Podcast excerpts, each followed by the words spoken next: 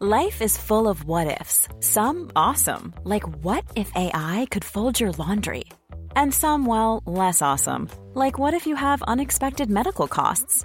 United Healthcare can help get you covered with Health Protector Guard fixed indemnity insurance plans. They supplement your primary plan to help you manage out of pocket costs. No deductibles, no enrollment periods, and especially no more what ifs. Visit uh1.com to find the Health Protector Guard plan for you. I'm Sandra, and I'm just the professional your small business was looking for. But you didn't hire me because you didn't use LinkedIn jobs. LinkedIn has professionals you can't find anywhere else, including those who aren't actively looking for a new job but might be open to the perfect role, like me. In a given month, over 70% of LinkedIn users don't visit other leading job sites. So if you're not looking on LinkedIn, you'll miss out on great candidates like Sandra. Start hiring professionals like a professional. Post your free job on linkedin.com/spoken today. Many of us have those stubborn pounds that seem impossible to lose, no matter how good we eat or how hard we work out. My solution is PlushCare. PlushCare is a leading telehealth provider with doctors who are there for you day and night to partner with you in your weight loss journey. They can prescribe FDA-approved weight loss medications like Wagovi and Zepbound for those who qualify. Plus, they accept most insurance plans. To get started, visit plushcare.com slash weight loss. That's plushcare.com slash weight loss. Helt siden de første menneskene slo seg ned i Trøndelag, har det blitt observert underlige lys over Hessdalen. Fenomenet har blitt forsøkt bortforklart som syner sett av bygdetullinger og deliriske hallusinasjoner forårsaket av den lokale drikkekulturen. Men det skulle vise seg at fenomenet stakk langt dypere når Hessdalen-fenomenet fikk verdensomspennende oppmerksomhet i ufo-miljøet på 1980-tallet. Fenomenet er fremdeles der, og det er fremdeles like uforklarlig som den gang. I 2024 kommer en podkastserie i seks deler produsert av Project Hessdalen, som kanskje en gang for alle skal finne svar på hva som rører seg på himmelen i denne bortgjemte dalen i Trøndelag. Serien har som seg hør og bør fått tittelen A Blaze in the Northern Sky, og den kommer til din favorittpodkastavspiller i 2024.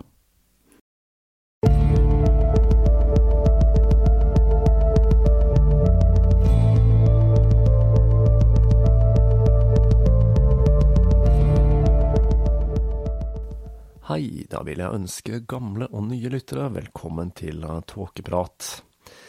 Jeg heter Even, og når jeg tar opp denne episode 59, så er det da søndag den 18. mars 2018.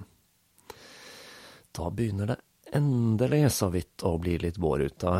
Det føles litt ut som jeg har sittet i en mørk bunker i flere måneder nå, så nå er det godt at sola endelig begynner å kikke fram selv om vi da nå kommer til å få en del flom i år, med tanke på den snøen som har lavet ned her på Østlandet.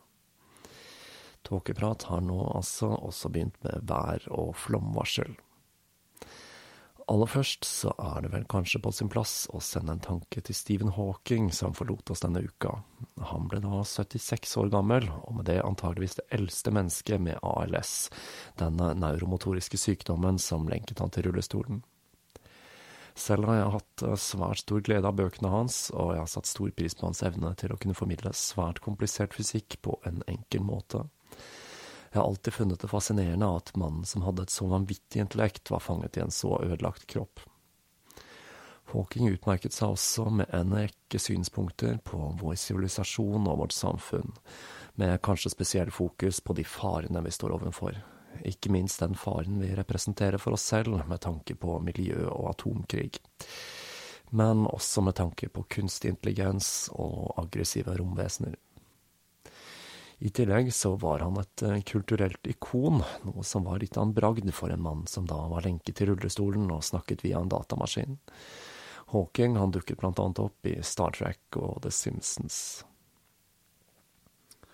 Stephen Hawking han lever videre gjennom hans arbeide, og vi får bruke hans bortgang til å reflektere litt over vår egen plassering i kosmos, og viktigheten av å se gjennom våre små menneskelige konflikter og forsøke å ta inn over oss at vår situasjon på denne steinen som flyr gjennom rommet, er en skjør tilstand, og at vi må samarbeide på tvers av religion og kultur om vi skal overleve som art.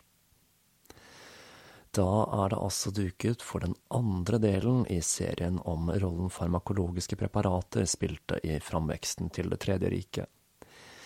I forrige episode så tok jeg for meg nazistenes krig mot narkotika. I denne episoden så kan jeg vel si at vi skal se på nazistenes krig med narkotika. I denne episoden så blir hovedfokuset på krigføring, og på hvilken effekt pervitin og også morfin kan ha hatt på utfallet av den første delen av krigen. Jeg skal forsøke å gjøre dette uten å dekke hele krigen, altså, men enkelte hendelser kan ses i et nytt lys om vi tar den utstrakte bruken av pervitin med i betraktning.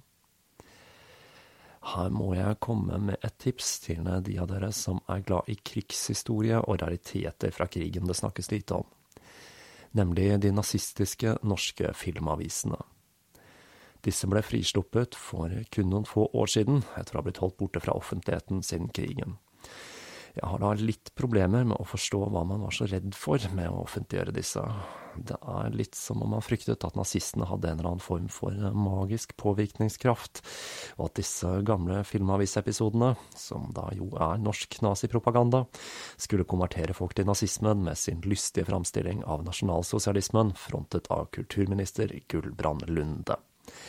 Litt på samme måte som Cartman i South Park ble inspirert av å se Hitler tale, altså.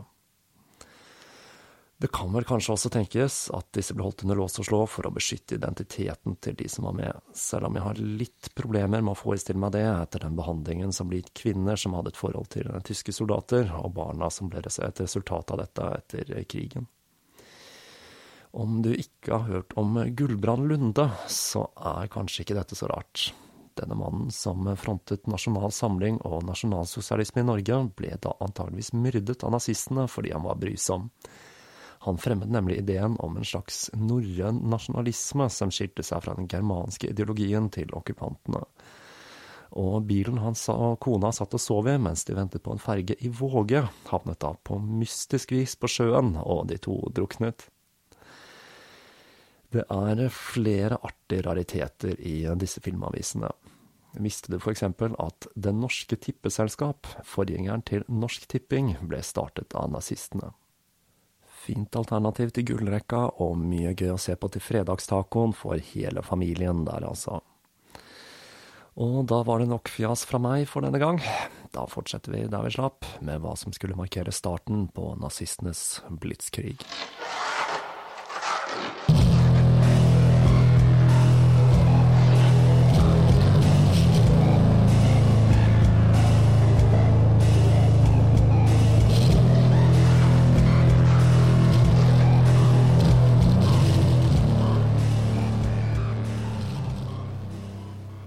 Første verdenskrig hadde Frankrike bygget et enormt festningsverk, Maginot-linjen, som strakte seg langs den italienske, sveitsiske, luxemburgske og tyske grensen. Dette var da et superfancy festningsverk med 45 store og 97 mindre fortifikasjoner, som var bundet sammen med 100 km med tunneler med en egen underjordisk jernbane. Dette festningsverket ble sett på som ugjennomtrengelig, og var basert på lærdommene de hadde tatt fra skyttergravskrigen i første verdenskrig. Festningsverket skulle kunne motstå luftangrep, tanks og artilleri, og hadde drøssevis med kanontårn av ulike typer, inkludert mekaniserte, som da kunne poppe opp og ned fra bakken som et periskop på en ubåt. Men det var noen glipper i denne forsvarslinjen, i Ardennene hadde man latt være å bygge ut linjen, da de ble ansett for å være ugjennomtrengelige. Og langs den belgiske grensen hadde Frankrike hastebygget ut deler av linjen i langt dårligere kvalitet, etter Belgia hadde erklært seg nøytrale etter remilitariseringen av Rhinland. Fransk propaganda beroliget befolkningen med hvor fantastisk og ugjennomtrengelig dette statiske forsvarsverket var. Soldatene som var stasjonert der, hadde til og med tilgang på kino men det de ikke regnet med, var drahjelpen Tyskland hadde fått fra en liten hvit pille, pervitin. Invasjonen startet den 10. mai 1940. Tyske fallskjermjegere hadde tatt det belgiske fortet Eben Emal, men dette var kun en avledningsmanøver, slik at de allierte skulle tro at angrepet kom fra nordsiden av Belgia. Mesteparten av hæren samlet seg nemlig lenger sør, mot grensen til Luxembourg. Dette var den største motoriserte kortesjen i krigshistorien, med 41 410 kjøretøy, hvorav 1222 var tanks. Det var en imponerende slange av stål som buktet seg gjennom landskapet og mot den belgiske grensen. Om de lyktes med denne manøveren, så ville ikke franskmennene rekke å reagere før det var for seint. Men veinettet var overhodet ikke dimensjonert for et følge av denne størrelsen, og infanteri og kavaleri snublet over hverandre i hva som etter hvert ble det største trafikkaoset verden noen gang hadde sett. Framrykningen mot Sedan og elva Mas måtte gjennomføres i løpet av tre dager om de skulle lyktes med å overraske de allierte troppene. For å gjennomføre dette så ble ordren om å bruke pervitin gitt, og stoffet ble tatt natt til 11. mai. Etter 20 minutter satte virkningen inn. Slitne kropper kjentes ikke lenger slitne ut. Sløret av søvnighet ble løftet, og natten lysnet. En følelse av uovervinnelighet og selvsikkerhet gjennomsyret de tyske troppene, mens neurotransmittorer ble pumpet ut og hjertet slo taktfast i kropper spent til ytterpunktet. Med nytt pågangsmot og fornyet styrke snirklet kortesjen seg framover og over grensen til Belgia, hvor det første slaget fant sted påfølgende morgen. De belgiske forsvarerne hadde forskanset seg i bunkere nære den lille grensebyen Martellage. De hadde bygd forsvarsverkene sine godt, og den eneste måten å angripe på ville være et frontalangrep over en flere hundre meter lang skråning med åpent terreng. Det ville være galskap å angripe forsvarsverket med så dårlige odds, men det var akkurat det tyskerne med sitt kjemisk simulerte pågangsmot valgte å gjøre. Fulle av kunstig selvsikkerhet og med klokketro på sin egen suverenitet sveipet de tyske soldatene over det belgiske forsvaret i et angrep som var så voldsomt at de forskrekkede belgiske soldatene forlot forsvarsstillingene og flyktet i panikk. Framfor å følge normal strategi og sikre fortifikasjonene, så begynte de gira soldatene å jakte på de flyktende belgiske soldatene videre inn i landet og slik fortsatte den ville marsjen mot Frankrike. Etter kun tre dager hadde de nådd den franske grensen, og Sedan lå nå foran Wehrmacht. Mange av de hadde ikke sovet siden framrykningen hadde startet, og det var ikke tid til det nå. Det tyske artilleriet startet bombardementet, akkompagnert av Luftwaffe sine Stukaer, som hylende leverte sin dødelige last over Sedan. Jorden ristet, eksplosjonene tordnet. De skjelvende forsvarerne så på hvordan de tyske troppene marsjerte inn fra et inferno som om de hadde kommet rett ut fra helvetes porter. I løpet av de neste timene krysset 60 000 soldater, 22 000 kjøretøy og 850 tanks elva. Den franske hæren kom noen timer senere, men da var demningen bristet og Wehrmacht flommet inn i landet som elven Styx renner inn i underverdenen. De franske tapene i Sudan var ikke store, men det var den psykologiske effekten av angrepet som var viktigst. Tyskerne så ut til å dukke opp ingenstedsfra, på steder ingen skulle ha vært, og med metoder som aldri tidligere var blitt brukt i krigføring. Den franske hæren var ingen match for en fryktløs invasjonsstyrke med metamfetamin i blodet. Framrykningen fortsatte. På mindre enn 100 timer hadde tyskerne erobret mer territorium enn de gjorde i løpet av hele første verdenskrig medisinhistorikeren doktor Peter Steinkamp skrev. Blitzkrig var styrt av metamfetamin, om ikke vi kan si at hele grunnlaget for blitzkrig var metamfetamin. For en invasjonshær så er hurtighet nøkkelen, og Giderians panserdivisjon var spydspissen i angrepet. De brøt alle tidligere tradisjoner for taktikk og strategi når de pløyet gjennom den franske landsbygda på vei mot Atlanterhavskysten. Drevet av en ustoppelig trang til å nå målet sitt, lot de flanken sin være åpen på sin elleville ferd mot kysten. Og tyskernes meget velsmurte forsyningslinjer sørget for en jevn strøm av mat, drivstoff og pervitin, da, selvsagt. Arvin Rommel, som senere skulle bli en av de mest kjente av de tyske generalene, kom egentlig fra infanteriet, og han benyttet taktikkene han kjente derifra. Han brukte den sjuende panserdivisjonen som en divisjon med stormtropper. Winston Churchill forsøkte å berolige sin franske kollega statsminister Reynaud med at uh, all erfaring viser at offensiven må ta slutt etter en stund.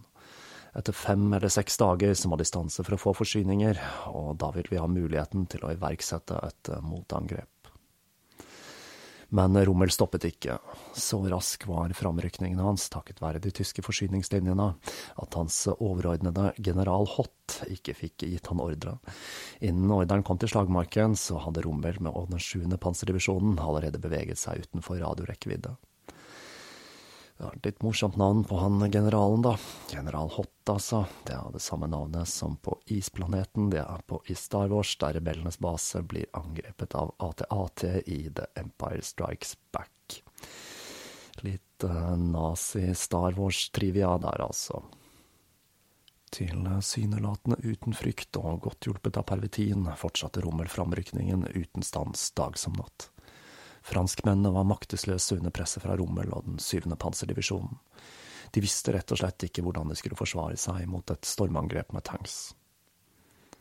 Mot slutten av den første uken, morgenen den 17. mai 1940, dundret han og divisjonen hans mot Avesnes i Nord-Frankrike. På veien dit så kom de over tre franske infanteridivisjoner som hadde satt opp en midlertidig leir på veien. Rommel ledet angrepet fra kommandobilen med sin karakteristiske kikkert rundt halsen, et angrep hvor de rett og slett måkte ned soldatene og brøytet til side fiendens kjøretøy, mens de fyrte av breddsider mot de flyktende, vettskremte franskmennene, og de tyske tanksene knuste veien som befant seg foran de. Når kommandanten for den franske hæren, Gamelin, fikk beskjed av krigsministeren de Deladier at de tyske troppene kun var 130 km fra et Paris uten militær beskyttelse, så trodde han ikke sine egne ører. Churchill skrev i sine memoarer at jeg innrømmer at dette var en av de største overraskelsene i mitt liv. Tyskland hadde vunnet krigen i Europa på bare noen få dager.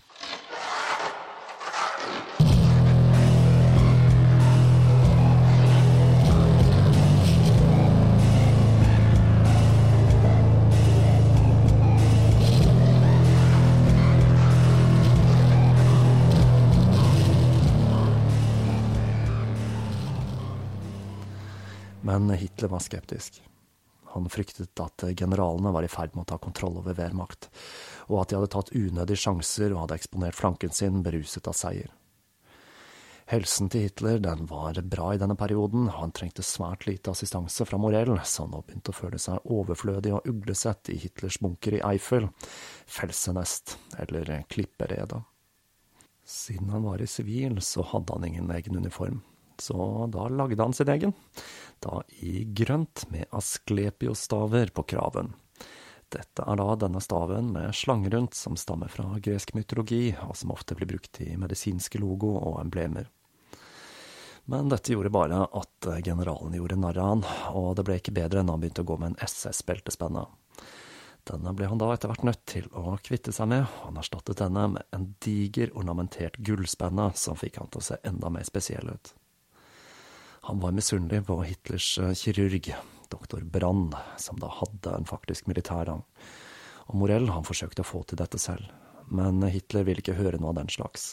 Han ville at Morell skulle være uavhengig og sivil. Dette førte også til at Morell ikke fikk ta del i alle rikdommene som nazistene røvet, og han måtte ta til takke med sin fastlønn på 3000 riksmark i måneden. Dette var litt problematisk, fordi Hitler hadde nemlig gitt han et hus når han hadde klart å kurere mageproblemene hans. Men dette huset, som da selvsagt var konfiskert fra jøder, måtte Morell betale for selv.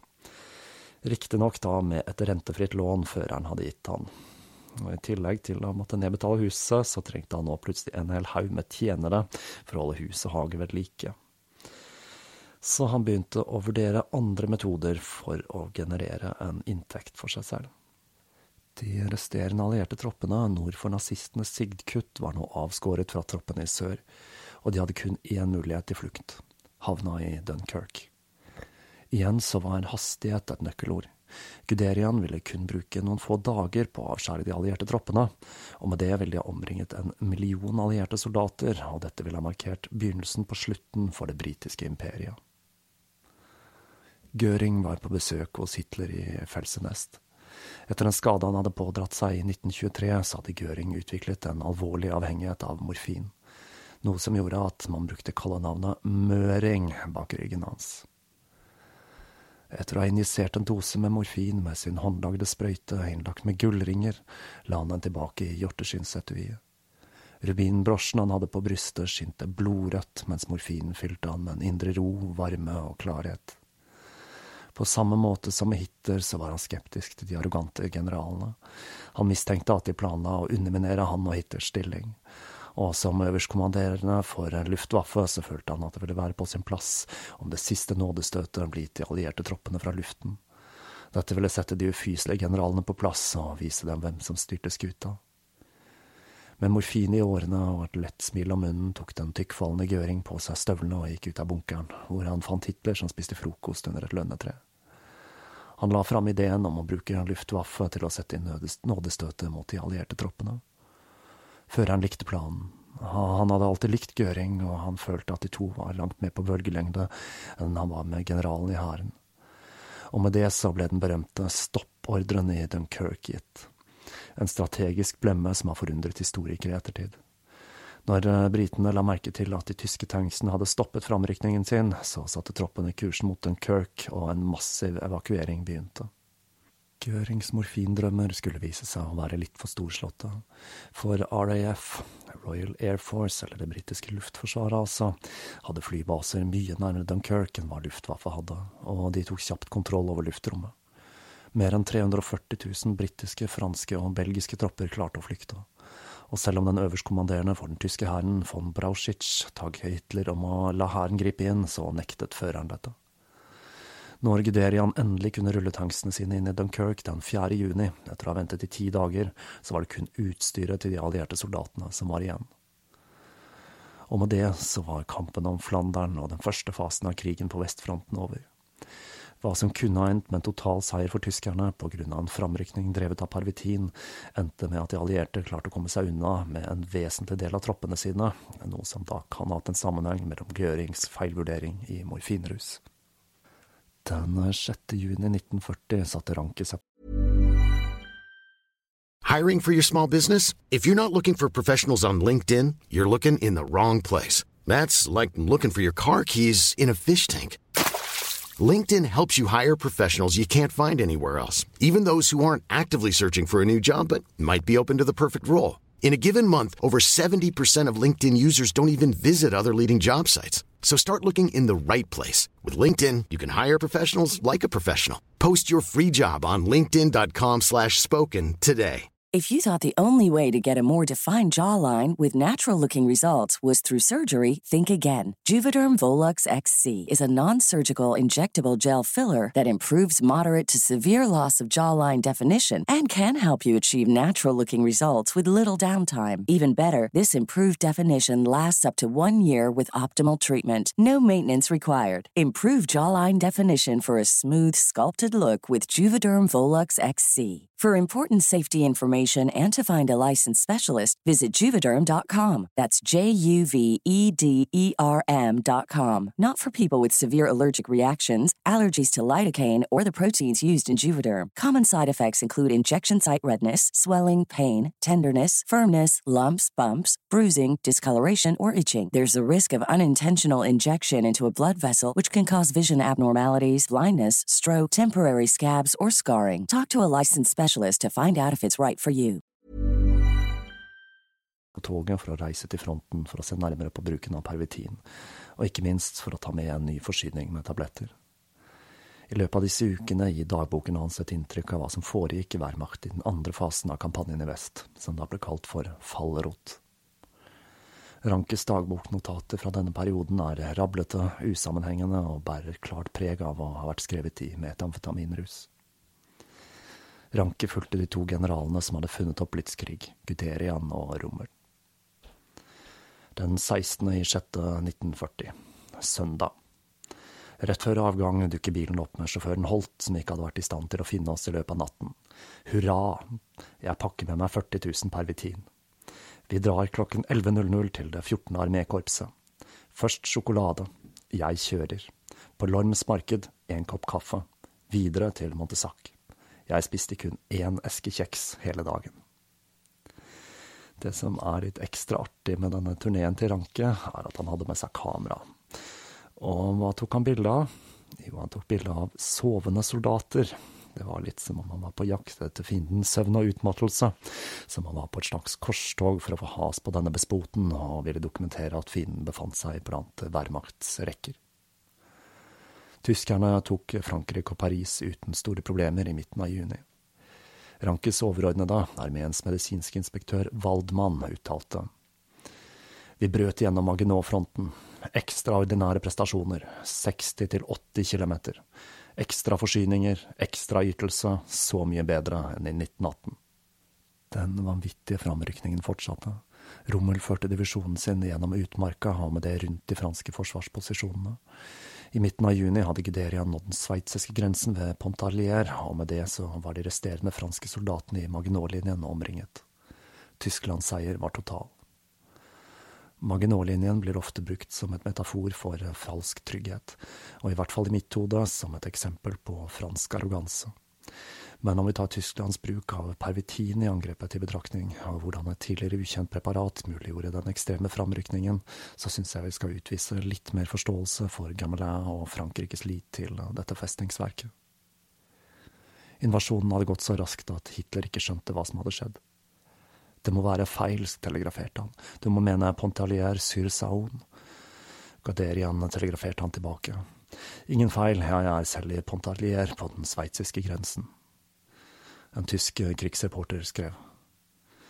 Tanksene, artilleriet, antiluftskytsen og forsyningsvognene ruller kontinuerlig og uten stans. Selv om natten fortsetter vi fremover. Ingen vurderer søvn. En liten bit sjokolade erstatter lunsj. Framad det går. Vi har kjørt det i konvoi i 300 km. Noe av det åkre, krattskog og beitemark. Men det var jo mer enn sjokolade som hadde erstattet lunsjen, da.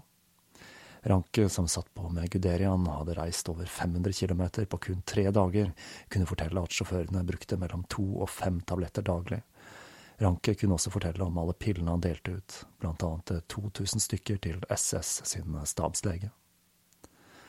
Men eh, metamfetaminens skyggeside begynte også å vise seg, med enkelte som rett og slett døde av hjertestans, og ikke minst så begynte ettervirkningene å dukke opp hos soldatene som hadde gått på preparatet i svært lang tid. For eksempel så ble en offiser som hadde tatt fire tabletter pervitin hver dag i 33 dager, erklært tjenestedyktig av kronisk høyt blodtrykk. Det var vel muligens mer enn kronisk høyt blodtrykk som gjorde at han måtte forlate hæren. Morell hadde laget seg en forretningsplan for å få litt mer penger i kassa. Han lanserte et nytt produkt, et kosttilskudd, Vitamultin. For å skape litt blest og for å få fart på omsetningen, så lagde Morell en egen versjon spesielt for føreren, pakket i gullpapir som var stemplet med Sanderanfirigung fyrer, eller spesiallaget for føreren. Kosttilskuddet besto av nyperosepulver, tørket sitron, gjærekstrakt og raffinert sukker. Og Hitler, som var svært opptatt av helse, gaflet ned disse i store mengder. Produktet kom da i flere former, som barer, kjeks og tabletter. Dette var da rett og slett nazihelsekost. Morell han produserte også en egen variant til Rikskansleriet, og med å bruke føreren og høyrestående medlemmer av partiet som reklame, så klarte Morell å omsette enorme mengder av dette produktet. Han gikk inn, inngikk annet en avtale med DAF, eller den tyske arbeidsfronten, som distribuerte millioner av Vitamultin til sine fabrikkarbeidere, og han inngikk et samarbeid med SS, som kunne rapportere svært gode resultater med produktet. De som derimot var litt skeptiske, var hæren og Luftwaffe. Men de var nok ikke så imponert, fordi de var vant til langt sterkere saker med langt mer åpenbare effekter.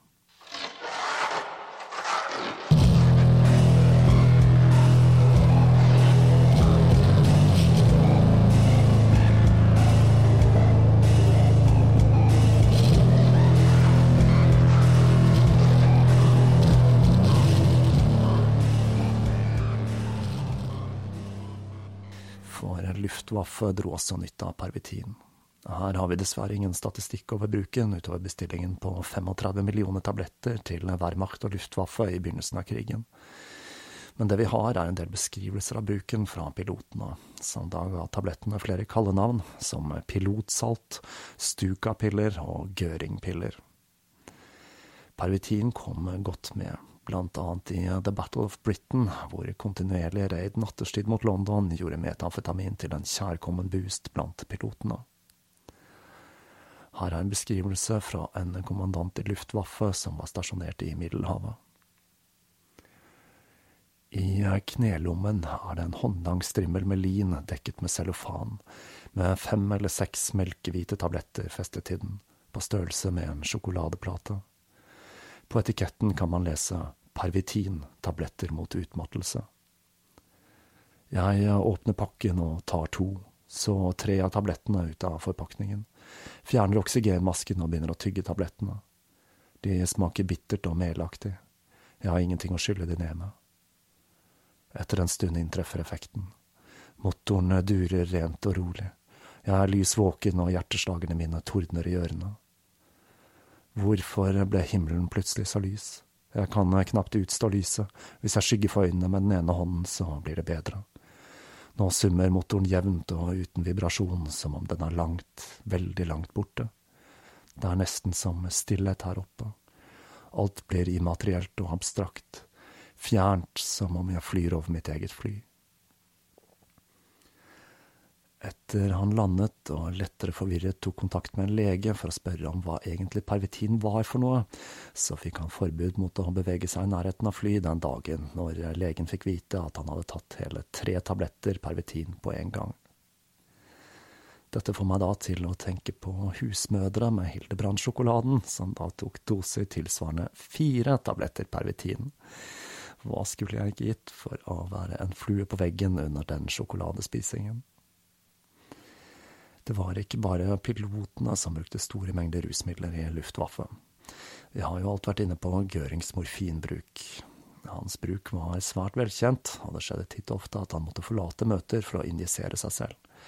Dette var noe han da gjorde uten å forklare hvorfor han forlot rommet, og når han kom tilbake, så var forandringen åpenbar, og han utstrålte fornyet styrke og selvtillit. Når han ansatte nye folk i staben, så gjorde han ikke dette så mye av kvalifikasjoner, men trynefaktor og underholdningsverdi. Det er da noe som høres fryktelig kjent ut, med tanke på en statsleder vi må forholde oss til i dag. En som riktignok var godt likt, men som sleit i jobben som toppolitiker, det var Ernst Udett, som da ble utnevnt av Göring til generalfussegemeister, som da var en av de viktigste stillingene i Det tredje riket. Han og Göring de likte å mimre om tiden da de hadde kjempet sammen i luftkamper i den første verdenskrig, høye på kokain. Udet, som hadde ansvaret for 24 ulike statskontorer og var kjent for å servere konjakk på samtlige møter i løpet av dagen, pøste på med enorme mengder metamfetamin for å motvirke effekten av alkoholen. Og Udets tunge rusmisbruk førte til en ekstrem vannkjørsel av kontorene han hadde ansvar for. Og det kokte over for Udet, som skjøt seg selv den 17. november 1941. Ryktet om at tyskerne hadde oppfunnet en selvsikkerhetspille, begynte å florere etter en artikkel i en italiensk avis i september 1940. Og med det så begynte britene å eksperimentere med bruken av bensedrin på sine egne soldater, og de lagde en radioreportasje om bruken av pervitin blant tyske piloter som et eh, resultat av britisk propaganda, eller hva man nå skal kalle det for noe, om da at Tysklands seire var et resultat av kjemisk stimulans og ikke den ariske viljen, så fyret rikets helseminister Leo Conti seg opp igjen, og han startet da igjen kampen for å rette fokuset mot skadevirkningene til pervitin. I 1941 så hadde forbruket av pervitin i Tyskland nådd astronomiske proporsjoner. Konservative estimater sier litt i overkant av én million doser per måned. Men siden tallene er oppgitt som enheter, så er det usikkert hvor mye av dette tallet som dreier seg om pervitintabletter eller pakker, som da var på 30 stikk. Her har man da tatt utgangspunkt i at det dreier seg om enkelte tabletter. I tillegg så dekker ikke denne statistikken ampuller til injeksjon men vi kan vel slå fast at bruken var ganske utstrakt. Aldri har tyske hjem vært så rene og organiserte som i 1941. Den 12. juni 1941 ble pervitin underlagt den tyske opiumsloven, og dermed offisielt erklært som et rusmiddel. Men dette hadde ingen effekt. Mens krigen skred frem og livet ble stadig hardere, så økte bruken av pervitin i sivilbefolkningen. Og timingen på forbudet var ikke optimal med tanke på hæren, for Tyskland var i ferd med å vekke den russiske bjørnen. Så hva med føreren selv? Hvor kommer han inn i bildet? På dette området så er det mye synsing og myter ute og går. Tilbake til frasen Hitler brukte amfetamin, altså. Hitlers forhold til sin personlige lege, og dermed hva slags preparater han tilførte kroppen, er et tema det er skrevet svært lite om. Etter krigen så ble Morell avhørt og torturert i to år. Han fikk da blant annet neglene trukket ut, men man fikk lite ut av ham. Teorier om at han forsøkte å forgifte føreren har florert, men svaret på hva føreren faktisk brukte, finner vi i Morells personlige notater, brev og dagbøker, som utgjør et massivt virvar av dokumentasjon som virker ugjennomtrengelig. Han gjorde nok dette med vilje, for han var klar over at som Hitlers personlige lege, og med sin upopularitet, kunne han raskt havne i søkeløset til Gestapo, og det å gjøre notatene vanskelig å tyde var nok en strategi for å holde de hemmelige. For å forstå førerens bruk av rusmidler, så må vi først ta en kikk på stedet der han tilbrakte det meste av krigen, i et bunkerkompleks i Østpolen, Wolfschanze, eller Ulvehia. Det var én ting disse nazistene var veldig flinke til, og det var navn, altså. Propaganda er vel et nøkkelord her, og det er kanskje ikke så rart at bøttevis med metalband har lånt estetikk og navnbruk fra nazistene. Her er det vel verdt å nevne at Hugo Boss sto bak designet til SS-uniformene, og at dette kjente og kjære motehuset benyttet tvangsarbeidere under krigen. Hitler ankom Ulvøya i juni 1941, like etter invasjonen av Russland, som da gikk under kodenavnet Operasjon Barbarossa. Dette var en operasjon han regnet med ikke skulle ta mer enn tre måneder, så soldatene hadde ikke engang med seg vinteruniformer. Og siden de regnet med at hele operasjonen kom til å ta så kort tid, så valgte de hovedkvarteret mest ut fra tilfeldigheter.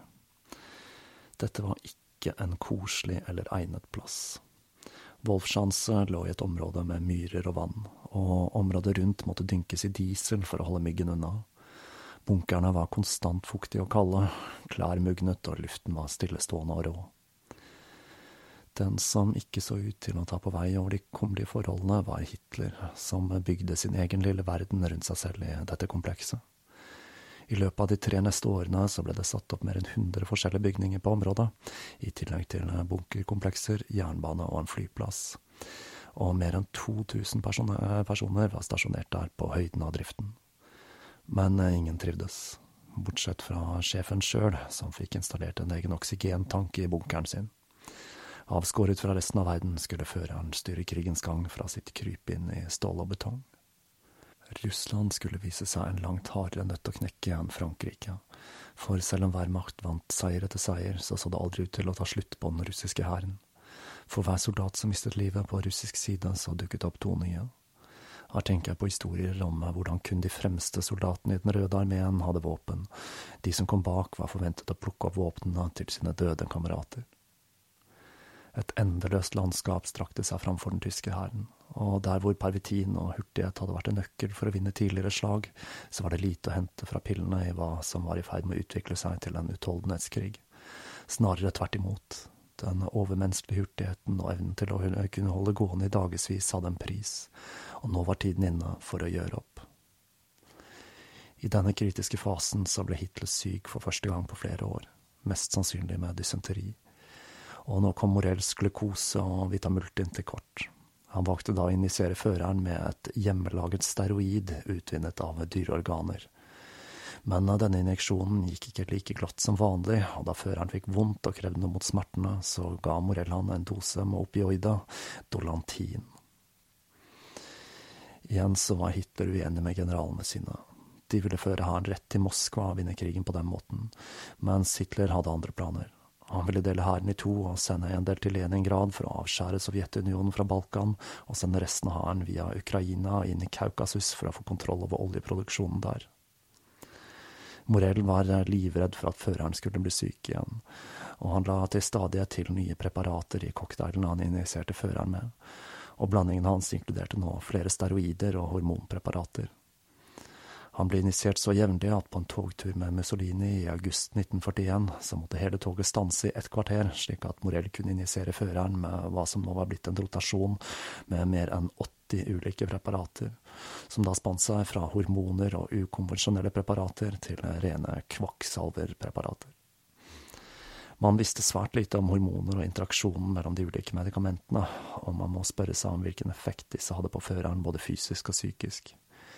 I Ulvehia ble Hitler pumpet full av Morells ukonvensjonelle blandinger for å holde vitaliteten ved like i den rå og fuktige bunkeren, mens krigen i verden utenfor var i ferd med å gå inn i en ny fase.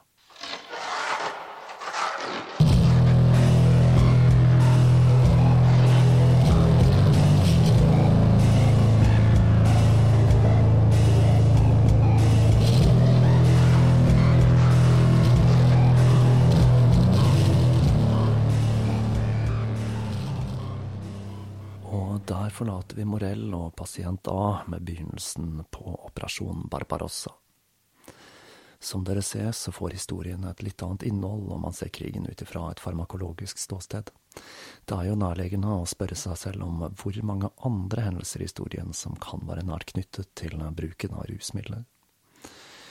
Igjen så er jeg litt usikker på hvor mange deler jeg skal legge meg på i denne serien. Jeg regner med at det vil bli fire stykker, og jeg skal forsøke å gjøre mitt ytterste for å ikke rote meg bort i irrelevante sidespor. For det skal ikke stå på spennende tematikk fra den andre verdenskrig. I neste episode så skal vi uansett se litt nærmere på hvordan Hitlers inntak av Morells underlige blandinger tiltok i ulvehia. Og dette er en svært interessant fortelling som kan gi oss noen alternative måter å tolke utfallet av krigen på. Helt til slutt så har jeg et par kommentarer om tåkeprat og bruk av sosiale medier. Jeg har da tatt opp dette før, men siden det har kommet til en del nye lyttere, så tenkte jeg jeg skulle forklare hvordan jeg bruker de forskjellige kontoene. Hovedkontoen til Tåkeprat det er Facebook-kontoen. Her legger jeg ut episodeinformasjon og andre oppdateringer om tåkeprat. Instagram-kontoen som er koblet til hjemmesiden, Even Leven. Det er da min private konto, men det er samtidig den jeg bruker til uh, tåkeprat. Jeg er da ikke mister superaktiv privat på sosiale medier, og det er stort sett den jeg bruker om jeg føler behovet. Så om du følger meg der, så kan du risikere at det dukker opp et og annet bilde av meg på skitur og en og annen hund, altså.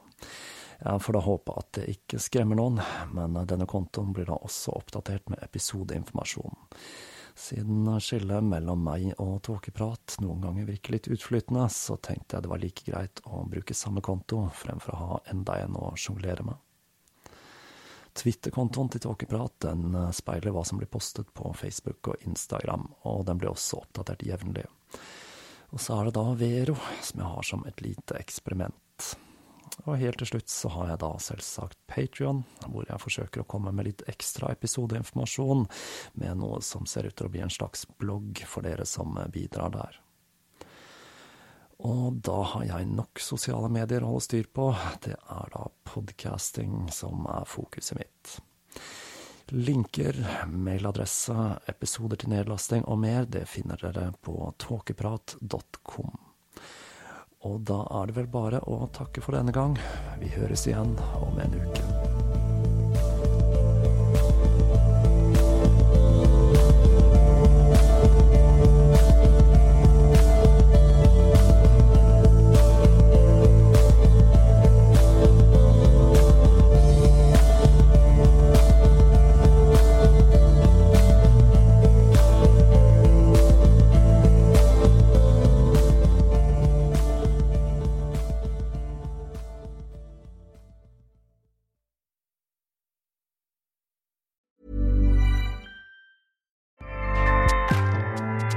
ACAST powers the world's best podcasts. Here's a show that we recommend.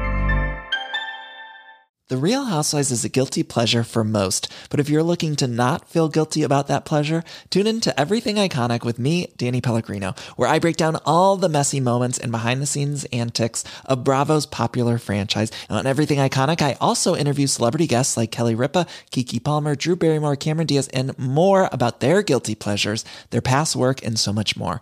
So if you're pop culture obsessed and find yourself watching way too much reality TV like me, tune in to Everything Iconic with Danny Pellegrino wherever you listen to podcasts. ACAST helps creators launch, grow, and monetize their podcasts everywhere. ACAST.com.